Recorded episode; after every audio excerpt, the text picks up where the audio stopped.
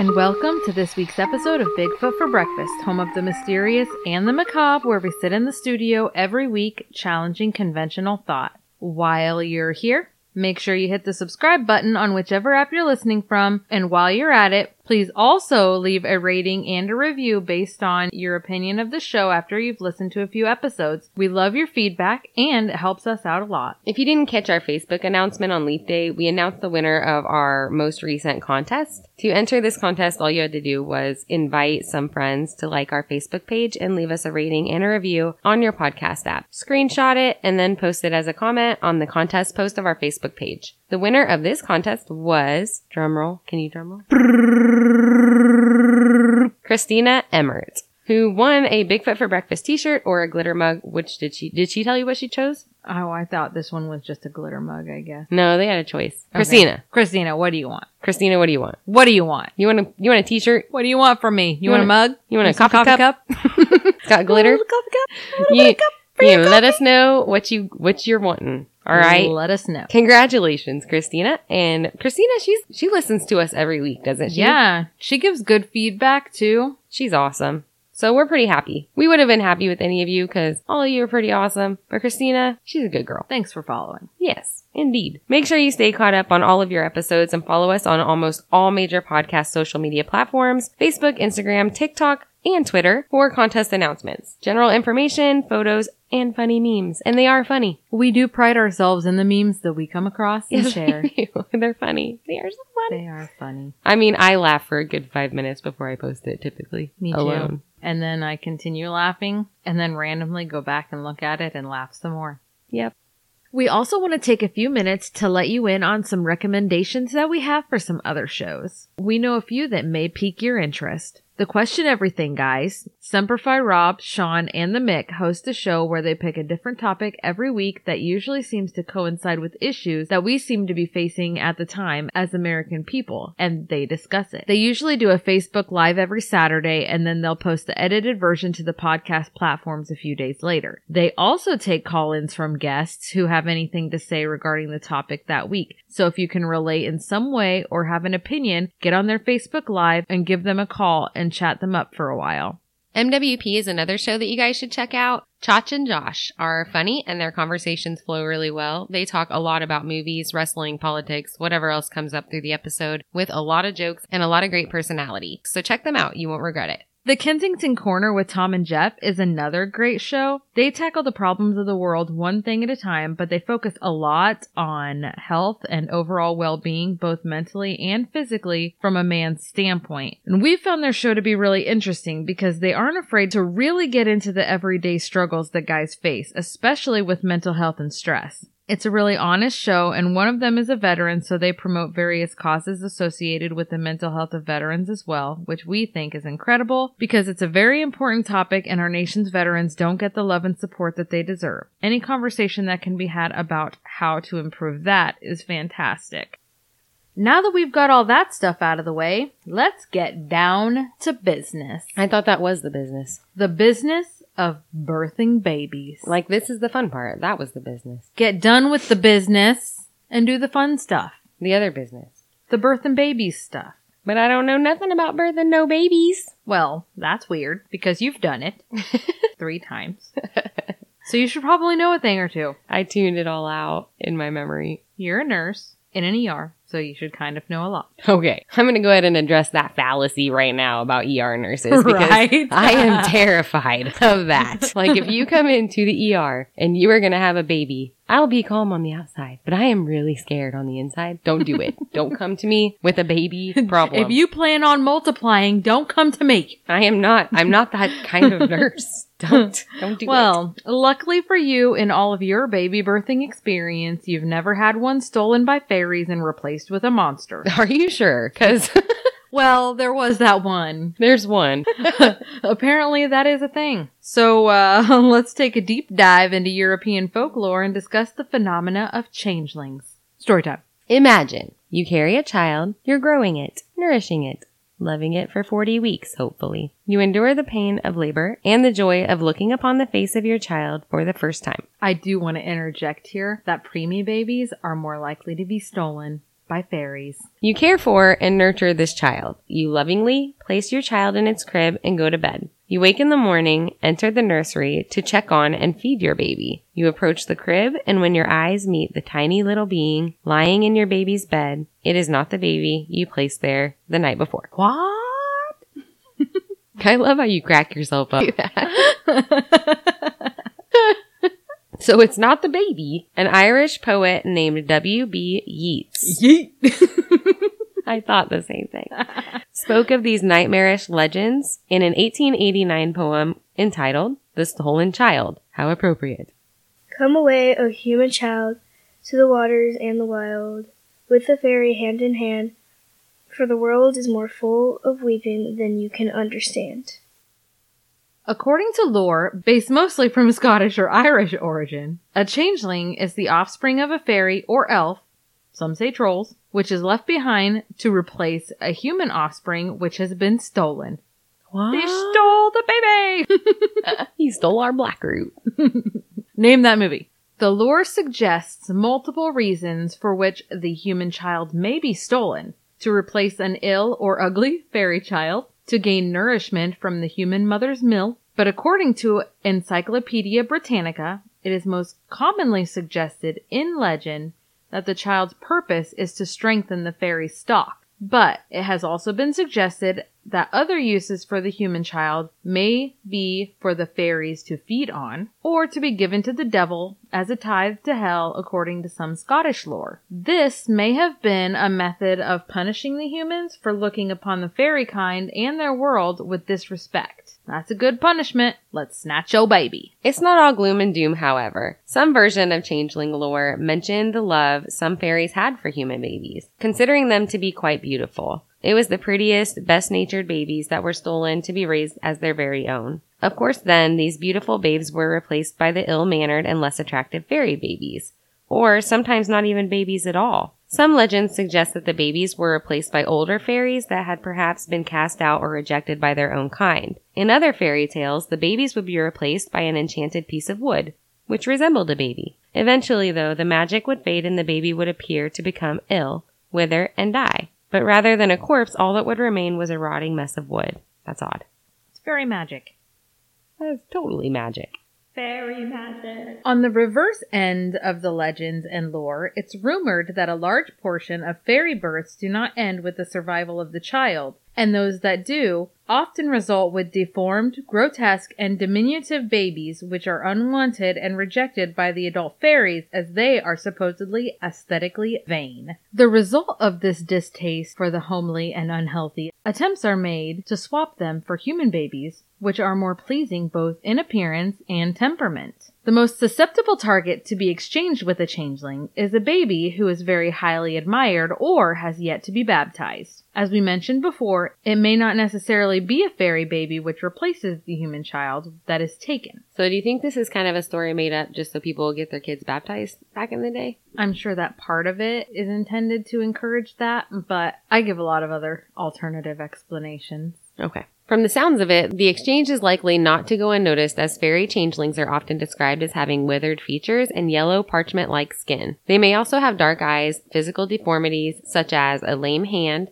unnaturally scrawny legs, and a crooked back. Other features which are described in changeling lore are a light coat of downy hair and a full set of teeth. In utero, they have like a little light coat of fur, so sometimes it's not abnormal for babies to have that when they're born. Right. Sometimes they are hairy. And I mean, to be honest, like, Yeah. they just kind of are. And also, I mean, there is the rare occasion that babies are born with a full set of teeth. However, later on, the babies lose the teeth and they're they're not healthy, and then they're more likely to have unhealthy adult teeth as well. right. It's a really rare occurrence. So while the appearance sounds like enough to disturb even the most tolerant and accepting of mothers, it's their temperament that is most likely to give away the changeling. Unlike the giggly and pleasant demeanor of their average chubby baby, the fairy substitute is known for being unhappy and nearly impossible to please, howling and screeching at all hours. According to lore, the sound and frequency of the changeling's tantrums exceed the constitutions of any mere mortal. Changelings are known for their ravenous appetites.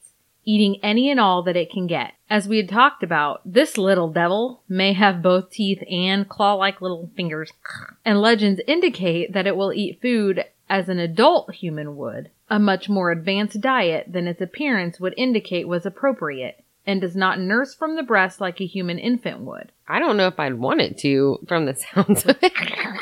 When it has consumed the meal set before it, it will demand more and more. These nasty little creatures have been known to empty the house of all edible content and remain still unsatisfied. However, changelings continue to appear malnourished no matter how much it devours. So the situation is really just awful pretty much for all parties involved. You've got every aspect of your life going wrong, and now your ugly ass baby is eating you out of house and home and still won't stop crying. This sounds like a recipe for disaster. it's not funny. It's not. It is. It is. it's a baby. That's what you say when, oh, your baby's so cute. If it's really cute, but if it's not cute, you just say, oh, it's the baby.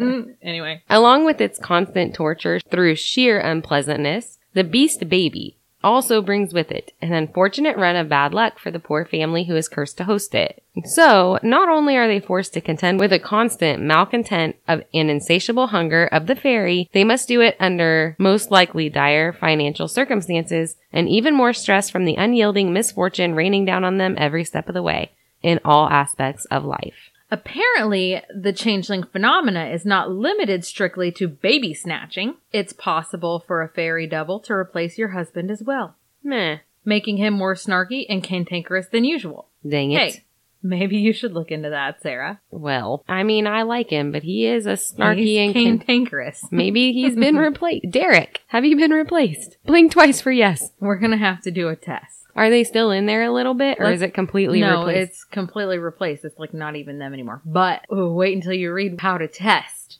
Okay, We're gonna do it. I'll tell you. We'll put it on we, TikTok. We probably. Well, actually, technically, he already has. He's lit his own head on fire. An adult. Story time. An adult who has been replaced by a changeling may suddenly have no interest in his or her friends or family, will be cold, ill-natured, and apathetic. Perhaps even confrontational. Fight me. Maybe I'm a changeling. no, you've been like this for as long as I can remember. I don't know, because when you were little, I remember them talking about how cute and sweet you were, and you are not now. now I hate everyone. Now you're mean. I'm an equal opportunity hater. Mm-hmm. So, as with a baby changeling, the sudden change in personality is a telltale sign that your man been snatched up and replaced. Alas, as legend has it, it is the fairer sex who is most often the victim of being swapped out by a changeling, often around the time of pregnancy or childbirth, which has some pretty interesting implications that we'll discuss later. It's likely that these women are unbaptized or do not attend church, Crap. it's possible that the women themselves were held in order to birth healthy and maybe pretty babies for the fairies who were otherwise unable to do so for whatever reason, like corrupted genetics, infertility, or whatever. In the case of the wife swap, the woman's personality would suddenly change and a loving, caring wife will suddenly become a nagging shrew, according to these types of tales. I feel like this is made up by a guy, because over time, guys piss women off. They're Preach! so frustrating. And then some guy made this up because he didn't want to take the blame for why his wife is You tired of shit. This is justification for killing his wife because, I mean, up until the 19th century, suspicion of fairy magic is like completely legitimate justification for murder. Now I have to kind of go back too because I mean it goes both ways. I shouldn't say guys piss women off, but you can't blame. It's like a guy. You know what girls have talked about when they're mad at their husband and then suddenly their husband's like, "Is it that time of the month?" And it's like, don't blame that time of the month for something that you have done. It's you, Homeboy's back on his bullshit. right? Like the babies, the woman is replaced by either a female fairy or also possibly a piece of enchanted wood, in which case the piece of wood bearing her likeness would be presumed dead eventually and would be buried once the magic wore off.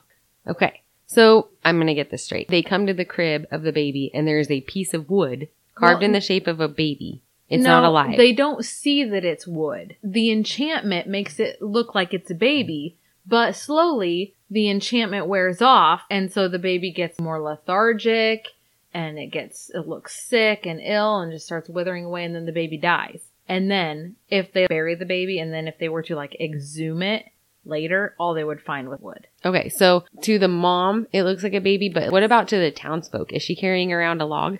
I know. I don't know. That's pretty. I you know I didn't. I don't know if the magic extends to everyone. If it's just to the mom. Well, something something to Google, something for the Google. Mm-hmm. Shall we share some short some Some short stories. some short stories or accounts that were written in regard to changeling encounters? I think so. Let's do. Sam read through quite a significant number of short stories, poems, and whatnot during this research for the episode, and she found some cool little tales. Let's be honest, I'm going to share some of the shortest ones with the least amount of archaic language, which is great. The Glengarry Fairy by James MacDougall is just one exactly like that and goes as follows. There once lived in Glengarry a widow with a young child who was a boy. One day she went to the well for water, and when she was returning to the house, she heard the child, whom she had left sleeping quietly in the cradle, screaming as if he were in great pain. She hastened in and gave him a drink as quickly as she could. This quieted him for a little while, but he soon broke out again as badly as ever. She gave him another drink, and while he was at her breast, she looked at him and saw that he had two teeth in his mouth, each more than an inch long, and his face was old and withered as any face she had ever seen. She said to herself, Now I am undone, but I will keep quiet until I see what will come of this. Next day she lifted the lad in her arms and put a shawl around him, and went away as though she was going to the next farm with him. A bugbear ran across her path, and when she was going over the ford, the creature put its head out of the shawl and said, Many a big fold have I seen on the banks of this stream. The woman did not wait to hear more of his story, but threw him into a deep pool below the ford, where he lay for a while, tumbling about and reviling her, and saying if he had known beforehand the trick that she was going to play him, he would have shown her another. She then heard a sound like a flock of birds flying about her. She saw nothing until she looked at her feet, and there beheld her own child with the bones as bare as the tongs. She took him home with her and got gradually better, and was at last as healthy as any other child. I do want to throw in a couple more little stories here, just because I feel like some of the way that these changeling babies are described and the way that they're regarded and treated is relevant to some of the discussion later. So this next little story is called A Pisky Changeling by W.Y. Evans Wentz from a 1911 publication of the Fairy Faith in Celtic Countries. A woman who lived near Breage Church had a fine girl baby. She thought the Piskies came and took it and put a withered child in its place. The withered child lived to be twenty years old and was no larger when it died than when the Piskies brought it. It was fretful and peevish and frightfully shriveled. The parents believed that the Piskies used to come and look over a certain wall by the house to see the child, and I heard my grandmother say that the family once put the child out of doors at night to see if the Piskies would take it back again. Okay, so this next little one is from Thomas Johnson Westropp's A Study of Folklore on the Coast of Connacht, Ireland. And I included this one specifically as it addressed an adult having been the changeling. A man whose young wife had long been childless taunted her, and she soon after bore a lovely boy. One day, to his horror, it suddenly grew a long beard, and he beat his wife, at whose screams two red-capped women came and beat him till he asked pardon. The real child was sent a tuft of rushes to the mother, and she was able to enter the fairy palace. An old woman brought her to the king and said she was the nurse of his own son. He restored her own child and said the man who beat her was a fairy disguised as her husband. She invoked God's name and fell senseless, eventually recovering and returning home to find she had been three years absent. She found that her husband had detected the changeling and put it on the fire when it shrieked and flew up the chimney. All right, so now that we all have a general idea about some of these stories and lore, let's discuss how you get your people back if you are able. So, this is where it gets really interesting. In my reading, I've come across many methods of bringing the changeling to light and even managing an exchange of the changelings and bringing the real child back. Some of these methods, though, are disturbingly and horribly violent. Often in these tales or poems, the changeling can be tricked into divulging its identity. One of the more common methods of trickery I found in the changeling stories is pretending to cook the family meal inside of a single eggshell instead of a pot or pan. This causes confusion in the changeling, and it would recite the following rhyme. Acorn before oak I knew, and an egg before hen, but never before have I seen an eggshell brew dinner for a harvestman.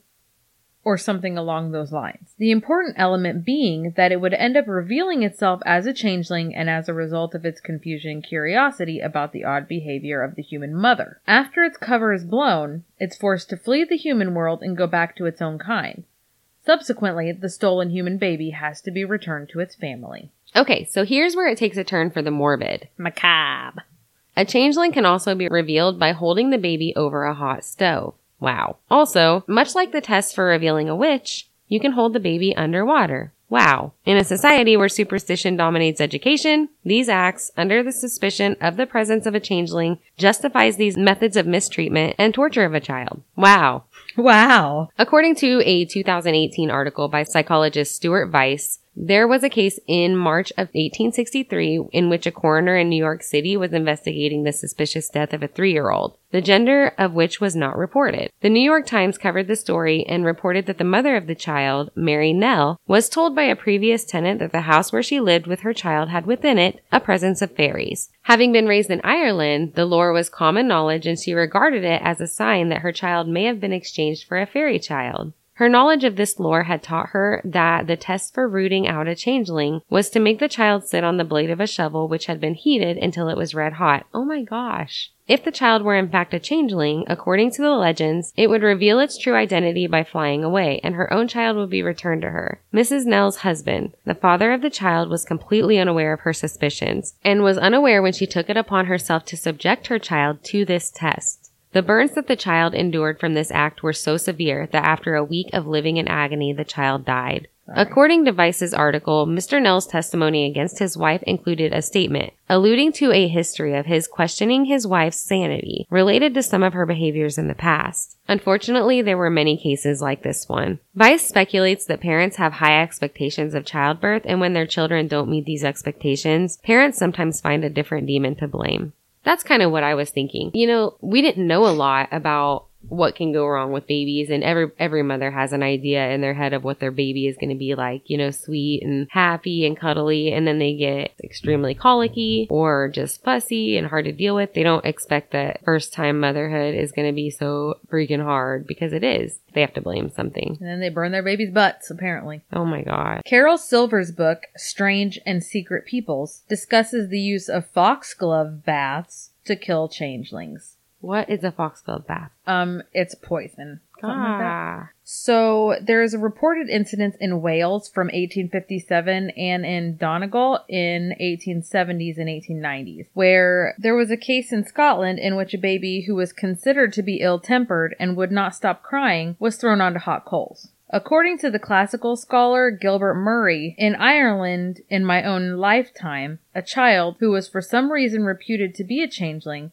was beaten and burned with irons, the mother being locked out of the room while the invading fairy was exorcised, though unfortunately the child died in the process. I don't know if I can talk about this stuff. This is awful.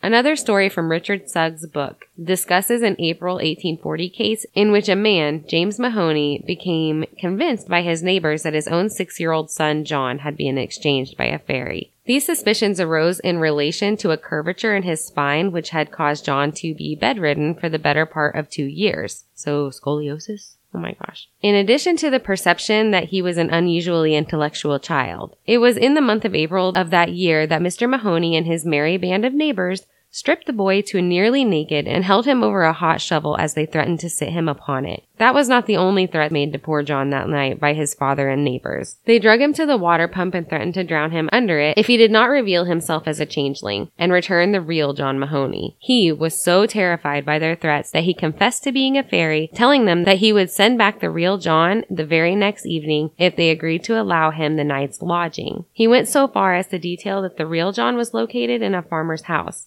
wearing corduroys and a green cap. When the next morning came, the poor kid was found to have died in bed through the night. His death very well may have been the result of his spinal condition, as was determined by a doctor at the time. However, is it possible that his sudden and untimely death was the result of fear? Yeah.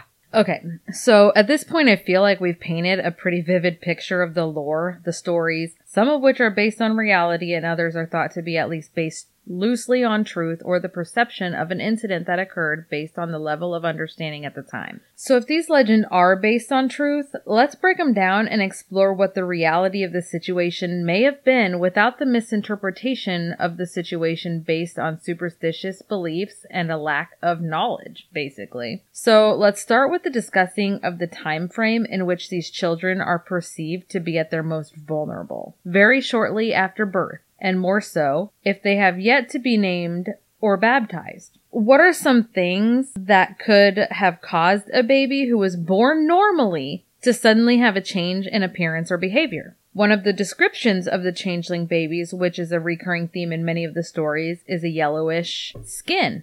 Mm-hmm. Jaundice is actually pretty common and a well-known and easily treated condition that occurs in babies within the first few days of birth. The cause of jaundice is the buildup of bilirubin, which is released when used red blood cells break down. Infants produce more bilirubin than adults do, as they produce red blood cells at a much faster rate than adults do and those cells break down in greater numbers, which results in a significant amount of the yellowish pigment. The yellowing of the skin and sclera, or whites of the eyes, is the result of this buildup, and with treatment is a relatively harmless condition. Unless you're an alcoholic. There are other more emergent causes of jaundice in infants, such as enzyme deficiencies, liver malfunction, viral or bacterial infections, which were likely common at the time period that fairy lore ran rampant, sepsis, internal bleeding, and red blood cell abnormalities that may cause them to break down more rapidly than normal. According to mayoclinic.org, babies who are at the greatest risk for developing jaundice are those who were born prematurely, before 38 weeks, as their bodies aren't developed enough to process the bilirubin properly, as well as the babies who experience significant bruising during birth.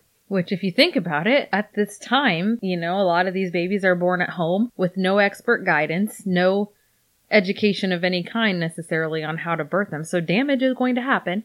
That's true. If there's an incompatibility or difference between the mother's blood type and the baby's blood type, antibodies received by the baby from the mother through the placenta may cause an abnormally rapid breakdown of red blood cells as well. Babies who breastfeed are also more likely to become jaundiced, and breastfeeding would have been the primary or likely only option for women during this time period. Babies who were not nursing well or were not getting enough nutrition from nursing are likely to develop jaundice as a result of dehydration and low caloric intake. So if you think of the time period we're looking at, what's the likelihood that some of these impoverished and likely underfed women are producing enough nutrition for their babies? So let's take a specific condition and run with it. Now we have a baby who was born looking perfectly healthy who suddenly develops the yellowish tint to its skin and eyes. Now for us, the treatment for this condition seems so easy. But how would these people have known? So without the proper treatment, the buildup can become toxic, resulting in a condition called acute bilirubin encephalopathy, which is the result of the bilirubin building up in the brain. So what, pray tell, are the symptoms for this condition? Well, by God, backward arching of the neck and back, crooked spine, high pitched crying, or the insatiable screaming that was discussed earlier, poor nursing, fever, and listlessness.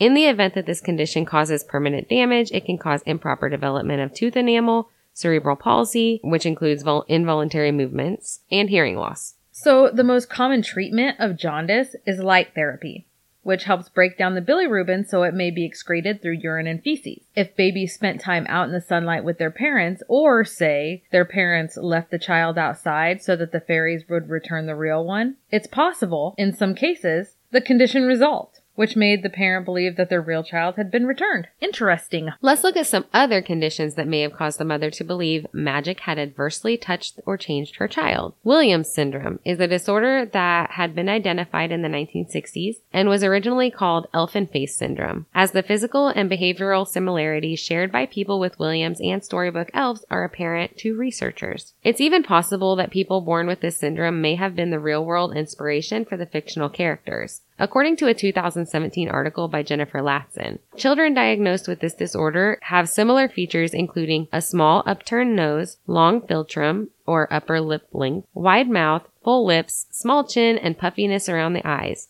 Blue and green eyed children with Williams syndrome can have a prominent starburst or white lacy pattern on their iris. Facial features become more apparent with age, and the description is from an article. This description is from an article on williamsyndrome.org. Other characteristics of this disorder is low birth weight, slow weight gain, and failure to thrive. This is another element that is common among changeling lore, along with poor feeding as a result of decreased muscle tone, severe gag reflex, and lack of ability to properly suck and swallow. Another condition, regressive autism, can cause a child to appear to develop normally in their early years and develop symptoms of autism later, which makes it another viable genetic condition which was thought to mark a changeling child, as is Prader-Willi syndrome, or PWS. In newborns, the symptoms of this disorder present as weak muscles, poor feeding, and slow development, according to Wikipedia. Other physical traits are lack of eye coordination, a prominent nasal bridge, small hands and feet with tapering fingers and almond shaped eyes. So you're getting a lot of these physical characteristics that they're describing. And in the early stages of childhood, a person with this diagnosis is constantly hungry which often leads to obesity. While the constant hunger is a common element of changeling lore, the weight gain isn't necessarily a common trait among the supposed fairy imposters. However, children with this disorder also display mild to moderate intellectual impairment as well as behavioral problems, which does fit the changeling bill. Another common element you see as far as physical traits in changeling babies as depicted in artwork is a tail. The more severe forms of spina bifida present with a protrusion of the spinal cord through an unfused opening, which to an uneducated eye may be misinterpreted. Milder forms present with a tuft of hair or dimple in the area of the lower back, but the cord doesn't protrude. Another more rare disorder is progeria. Traits of progeria present themselves during the first few months of an infant's life.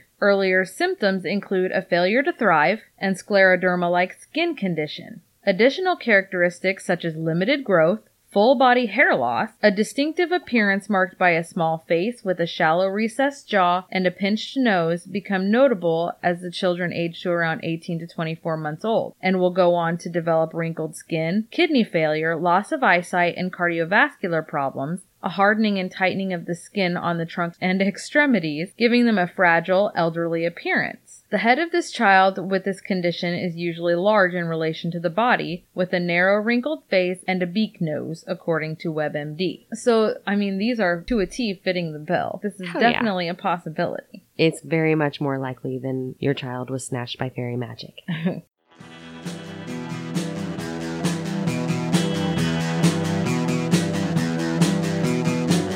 You're listening to the Prescribed Films Podcast Network, home to hundreds of hours of free podcast entertainment. The shows on this network all have a common goal providing you with the best discussions about movies and other forms of entertainment media. The PFPN hopes to fill your earholes with audio joy. Visit our website with links to all the other amazing shows at www.thepfpn.com. Thanks for listening. Just throw back to the legends of changelings and tie together some of the traits we've been discussing. A WordPress article posted in 2014 called Ireland's Most Sinister Superstition, The Changeling describes how a previously perfect baby would suddenly fall ill and fail to thrive. Conversely, their appetite may become insatiable and they will literally eat their new family out of house and home, but no matter how much they eat, they remain sickly and thin. The replacement baby is likely to be deformed or have strange features. They may cry constantly and generally be thought to be unpleasant. Okay, so that kind of triggered a thought. Are you familiar with the period of purple crying? About everyone who has had a baby should have been told about this. So, according to medical literature, it begins about two weeks of age and can continue until a baby reaches up to four months old. The common characteristic of this phase are described by using the acronym PURPLE, P-U-R-P-L-E, P, meaning the peak of crying, meaning your baby may cry more each week, mostly in month two and less in months three to five. U, standing for unexpected. Crying comes and goes with no explanation. R resists soothing. Baby will cry no matter what you do. P pain like face. Baby can look like it's in pain when it isn't. L long lasting. Baby can cry as much as 5 hours a day or more. And E evening. Baby may cry more in the afternoon or evening. Hmm, that sounds a little bit familiar, doesn't it? The word period is emphasized in the educational material to remind parents that the crying will end. There is hope. So don't put a hot shovel on your baby's butt. My first one's lucky that she wasn't born during this time. That is not a joke because she, that period of purple crying describes her to a T. Mm-hmm. She was pretty brutal. Oh, she's sweet now, but not then. These changeling children face great risk from others outside of their own families. Often from the ill conceived notion that these people are acting in the interest of the greater good. Looking back with the perspective that people like us hold, where even people with little to no medical training have even a basic knowledge of some medical conditions and explanations, it's easy to forget how profoundly superstition based these people's lives were. To them, the disabilities and illnesses of these children were unnatural and inhuman. These superstitious beliefs allowed people a way to combat this perceived adversary as opposed to being helpless spectators in the suffering of their children and their families, as well as giving meaning to an otherwise inexplicable and irrational condition. The best way they managed to confront this enemy head on was to reveal their existence and cast them out. Immersed in the rivers or placed at the margin of coastal tides, stood on hot coals or hung over fires, exposed in freezing weather, bathed in poisonous foxglove essence, beaten, threatened, and subjected to forms of exorcism, these babies and children sometimes survived, sometimes not. Suspicion of fairy magic was seen as a legitimate defense against the charge of murder as late as the end of the 19th century. So if you didn't want your kid, you could just say that they you thought it was a fairy. You you suspected it was a fairy, Mm-hmm. Oh, or your wife. and that was fine. It's fine. Okay. So aside from actual illnesses or disorders in these poor babies, let's look at some of the other alternative explanations for such sudden changes in babies after their births.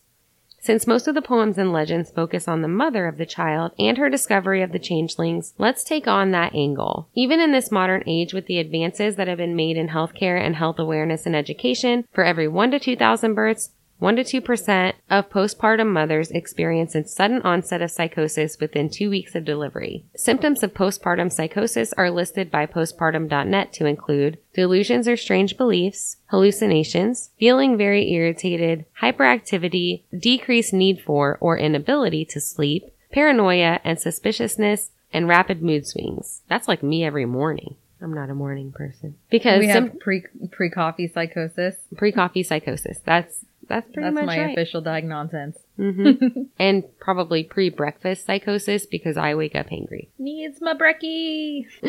Because symptoms of psychosis include delusional thinking and irrational judgment, there is always the risk of danger to the women suffering the condition or those around her, including her newborn child. www.ppdil.org details two recent cases of PPD or postpartum depression, which occurred in Texas, both of which resulted in unfortunate incidents and received nationwide attention. The more recent case, a woman, Deanna Lejeune Laney, said God told her to kill her two young sons on Mother's Day weekend in 2003. Her boys, ages 8 and 6, had their heads bashed in with rocks. I remember that. Her third child, a 14 month old boy, was found bloody in his crib and was hospitalized. According to an article from CanadianCRC.com, after the killings, Laney made a 911 call on her cell phone and spoke in a very calm manner and matter of fact way. She told a dispatcher, I've killed my boys. A sheriff's department spokeswoman said deputies arrived at the New Chapel Hill home about 7 miles outside of Tyler at 12:52 a.m. on Saturday. When officers arrived, they entered the house and found Aaron in his crib, wounded but still breathing. Laney was not there but continued to talk calmly on the phone. Officers found the woman wearing bloody clothes in a wooded area about a hundred yards behind their house, according to the sheriff. Laney described where her other two children could be found, but refused to go there herself. Her husband was apparently asleep inside the house during the attack because he came walking out in his nightclothes, the sheriff said. Obviously, postpartum depression or psychosis was presented as a defense, but it was doubted as it had been 14 months since she had given birth. That's awful. The next one's a little bit more well known. Ugh, I hate this one too. Yeah. In the other case, Andrea Yates drowned her five children one by one in a bathtub on June 20th, 2001, during the hour between the time that her husband left for work and her mother-in-law arrived at their home. She is serving a life term in prison for her crimes. Her plea of innocence by reason of insanity was rejected. Biography.com's page on Andrea Yates details that throughout her trial, her husband Rusty Yates stood by his wife with the insistence that it was a mental illness and not Andrea that was responsible for the killings of their five children. She pleaded innocence by reason of insanity, citing postpartum psychosis, but in March 2002, a jury rejected the insanity defense and found Yates guilty of first degree murder, sentencing her to life in prison with eligibility for parole in 40 years. However, on January 6, 2005, the Texas Court of Appeals reversed the convictions. On July 26, 2006, Andrea Yates was found not guilty by reason of insanity. But she is in like a mental health facility. She's not free. In the rare fairy tale in which it is an adult who had been switched for a changeling, men were sometimes influenced by drink or song, seduced by a lovely woman, and were led away by a fairy. In these cases, the man may not even have been replaced by a changeling, but kidnapped and disappeared forever. Or he went to the 7-Eleven for a pack of smokes and just didn't come back. Yeah, so I wonder why it is necessarily that, you know, the men aren't replaced. They just disappear because they just. Same reason they disappear now. well, yeah, so it's just women rationalizing their husbands leaving by blaming it on being kidnapped by fairies. or because- people like the neighbors trying to console her and say that that's probably what happened instead of he left her for his side chick. Yeah, exactly. Did you see that thing on, I think it was on Facebook where the kid was like drawing a diagram in his class and he had on one side his house and then a straight line and then it was a store and the store was one mile from his house and he says the average male walks five miles per hour from the house to the store one mile. So why is it taking my dad 18 years to come back home? oh no. That's I was awful. like, oh, that's so sad. it was sad. It's terrible. Back in the old days, they did rationalize things a little bit differently than we do now. So, I mean, to them, this was reasonable. To us, not so much. As we discussed previously, it has been evident in most of these tales that the female gender is considered far more valuable in the eyes of the fairy folk, focusing on women who are more vulnerable to such attacks as they are unbaptized or unchurched. Most importantly, women who have recently given birth, as they were needed to help the fairy population continue their family lines, perhaps with stronger genetics, and were forcibly wed to a male and forced to bear his children.